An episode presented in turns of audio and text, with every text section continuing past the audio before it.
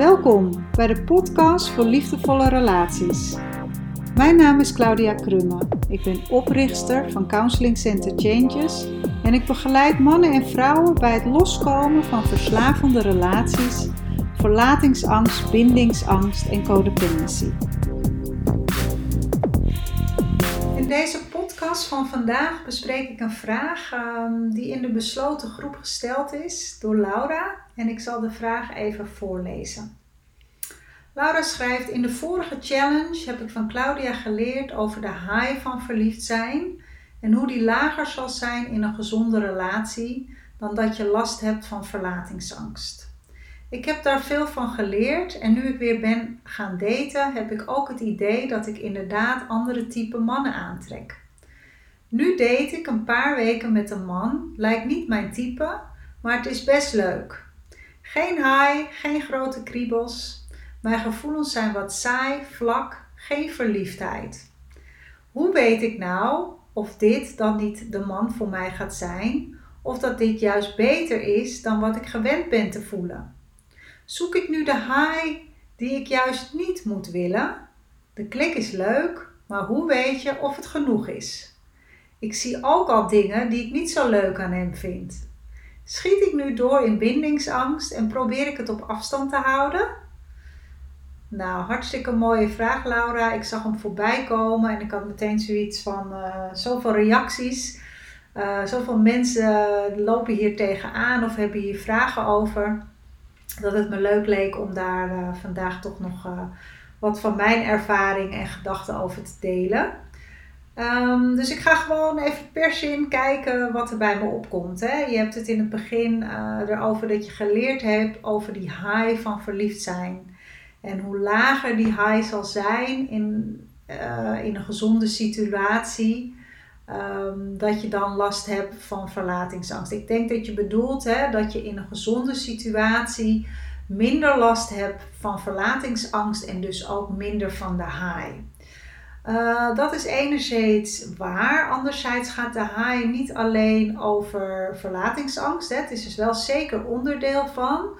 Um, maar ook over de projecties in zijn algemeenheid die nog ten grondslag liggen aan de verliefdheid. Hè. Dus de projecties die je meeneemt vanuit je relatiefantasie. Dus vanuit je um, opvoedingssituatie. En dat is vaak voor vrouwen is dat vaak uh, de projectie die ze hebben op de vader. En voor mannen is dat vaak de projecties die ze hebben ten aanzien van de moeder. En met projecties bedoel ik dan de verwachtingen die je hebt uh, ten aanzien van je vader of moeder. De oude wonden die daaraan ten grondslag liggen. De onvervulde behoeftes dus de dingen die je nooit hebt gehad en die je toch gaat projecteren op zo'n partner. En zolang die wonden nog niet geheeld zijn en zolang er nog valse hoop een grote rol speelt in die projecties, um, loop je dus de kans inderdaad dat je je nog steeds heel erg aangetrokken voelt tot bepaald soort partners dus het is niet zo dat er specifiek de high is die fout is, maar meer van ehm, bij welk soort mannen of vrouwen ervaar ik die high.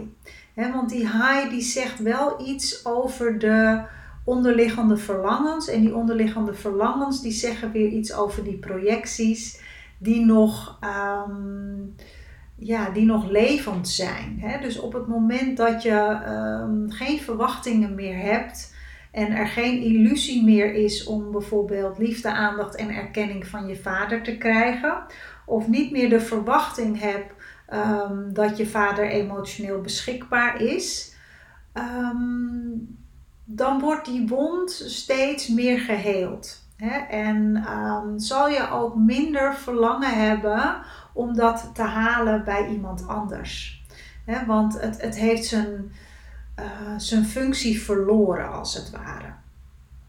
dus dat is wat ik enerzijds over de high wilde delen.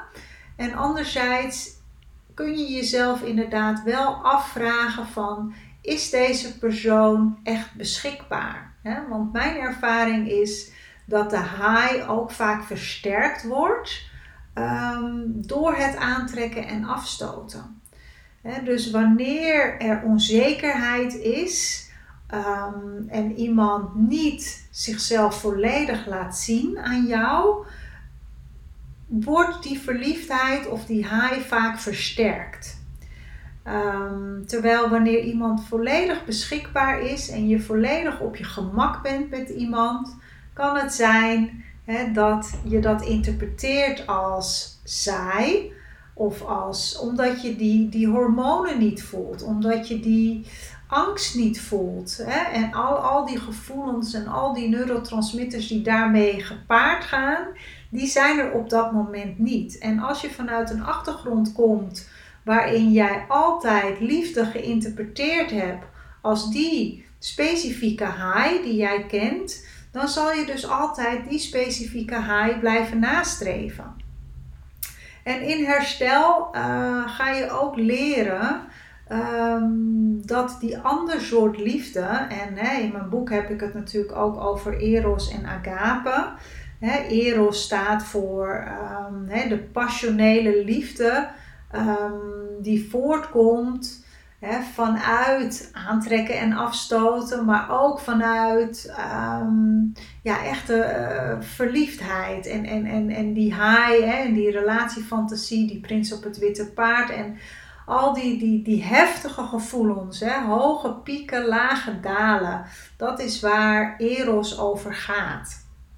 Terwijl Agape gaat veel meer over stabiliteit, over vertrouwen, over veiligheid. Ehm, dus het is belangrijk ook om te begrijpen dat er echt twee soorten liefdes zijn. En dat het een niet slechter of beter is dan het ander, maar dat het meer is van waar kies jij voor. dus er zijn ook heel veel vrouwen in herstel, uh, ook collega's van mij die vandaag de dag een, een relatie hebben een gezonde relatie, maar waarvan ze wel zeggen: ja, daar heb ik inderdaad geen haai en daar heb ik geen grote kriebels en daar voel ik niet die passie die ik voorheen uh, kende. Maar dat heeft meer te maken met mijn eigen interpretatie van liefde. Ehm, en daar moet je aan wennen. dus dat is niet iets wat je in het begin ervaart. Sowieso die hele heftige kriebels en die hele heftige passie, die gaat in iedere relatie op een gegeven moment weg of wordt uitgedoofd. Hè? En dat is bij de een na drie maanden, bij de ander na een half jaar of misschien na een jaar. Maar uiteindelijk zal het altijd op een gegeven moment in een rustiger vaarwater komen. Um, dus het kan ook zo zijn dat je in het begin gaat kijken uh, van wat doet het als ik er wat langere tijd bij blijf? Als jouw enige referentiekader is um, de Eros, omdat dat het enige is wat je kent, is het natuurlijk ook interessant om te onderzoeken wat die ander soort liefde zal brengen. En um, de ervaring bijvoorbeeld van mijn collega's die daarin wel een gezonde relatie hebben, die zeggen van het gaat ook groeien. Uh, en wat belangrijk is daar, is dat je de ander wel deelgenoot maakt van jouw twijfels en jouw gevoelens. want op het moment dat je dat doet, uh, creëert dat eigenlijk ook weer de intimiteit. dus op het moment dat je er een verborgen agenda op nahoudt, ben je eigenlijk een soort van emotioneel niet beschikbaar. dus ik zou je aanraden om gewoon in dit proces heel erg aanwezig te blijven bij jezelf en de ander deelgenoot te maken van wat jij ervaart. En dan merk je gaandeweg wel hoe de reactie is van die persoon daarop en hoe het zich uitkristalliseert. En mijn ervaring is ook dat wanneer je dat uitspreekt, dat vaak de lading Ehm, van de angst of de onrust die gepaard gaat met die twijfel, dat die eigenlijk alweer opklaart of oplost. Hè? Dat die verdwijnt, waardoor er weer meer ruimte komt om jezelf open te stellen. Ehm, nou, even kijken, wat schrijf je nog meer? Hoe weet ik nou of dit dan de man voor mij gaat zijn of niet? Dat weet je niet. Dat is het, uh, het, het verrassende aspect van het hele dateproces. Is dat je het niet van tevoren hoeft in te vullen. een, een, het belangrijkste kenmerk van uh, relatieverslaving is controle. En controle betekent ook dat je precies wil weten hoe iets gaat verlopen. Je hoeft het niet te weten. Je mag het loslaten. Je mag je overgeven aan het proces. En kijken wat er gebeurt. Hoe dat proces zich ontwikkelt. Um, zoek ik nu de high die ik juist niet moet willen? Ja, dat kan zijn dat je de high zoekt die je juist niet moet willen. Het kan ook zijn dat jij zegt van nou, ik ben wel echt een eros persoon. Um, en ik wil geen relatie vanuit agape. Hè? Um, liever geen relatie dan alleen maar veiligheid en vertrouwen. Ik wil echt die passie voelen en ook die fysieke aantrekkingskracht hè, die daar ook bij hoort. Uh, want ik doe het niet voor minder. Dat kan, maar realiseer je dan wel dat het belangrijk is dat je eerst al die oude wonden die ten grondslag liggen aan mogelijk destructieve relaties die je in je leven gekend hebt, ehm, dat je eerst daarmee aan de slag gaat, zodat je gezondere partners gaat aantrekken, uh, ook in de eros. dus het is mogelijk om in eros gezonde partners aan te trekken die dezelfde passie geven als die je voorheen gekend hebt. Um, maar dan moeten wel die oude wonden geheeld zijn want dat is het resultaat, dat is de kers op de taart die je krijgt uh, naarmate je herstel en heling in een vergevorderd stadium zit. Ehm, ja, dus het is en en. Het is en gewoon goed aanwezig blijven en je realiseren dat er zowel eros als agape is.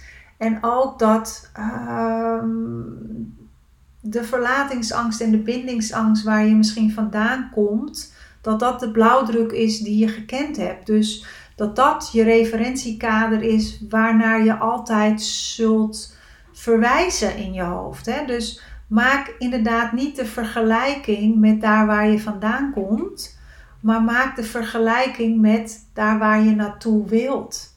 Hè? En onderzoek voor jezelf wat je verlangen is en, en bespreek dat. Gooi het open.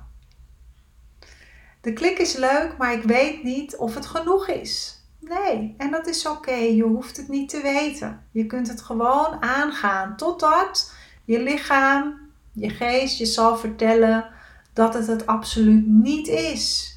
Of uh, dat het zich zal ontwikkelen naar een andere laag van intimiteit waarin je gaat merken van hé, hey, dit vind ik ook heel interessant. Dit zijn niet die vlinders die ik gewend ben, maar ik voel wel, uh, ik voel me wel heel erg gesteund en ik voel me wel heel erg verbonden met deze persoon. En dat is toch net even anders weer dan een vriendschap. Dus blijf aanwezig in dat proces. En ja, er zijn dingen die je niet zo leuk vindt aan hem. Dat merk je nu al op. En ook dat mag er zijn. Alleen vraag jezelf wel af, hoe belangrijk is het? En is dat iets uh, wat overkomelijk is? Of is het een bottom line waarvan ik zeg dat is onacceptabel? Nou, Laura, ik hoop dat ik hiermee uh, wat helderheid heb gegeven voor jou, hoe jij hier nu verder uh, mee kan. En natuurlijk ook voor de anderen, want ik vermoed dat er heel veel mannen en vrouwen zijn die hier tegenaan lopen. Um, dus ja, dit, is, uh, mijn gedachte, dit zijn mijn gedachten over deze vraag. En um, ja, ik hoop dat jullie deze week allemaal aanwezig zullen zijn uh, bij de challenge. De challenge van liefde die pijn doet naar liefde die blij maakt. Waarin ik weer allerlei nieuwe en ook oude inhoud met je zal delen. En uh, jou weer verder kan helpen op dat stapje naar liefdevolle relaties. En in de eerste plaats altijd met jezelf en van daaruit met de ander. Goed, tot uh, de volgende keer. Doeg, doeg!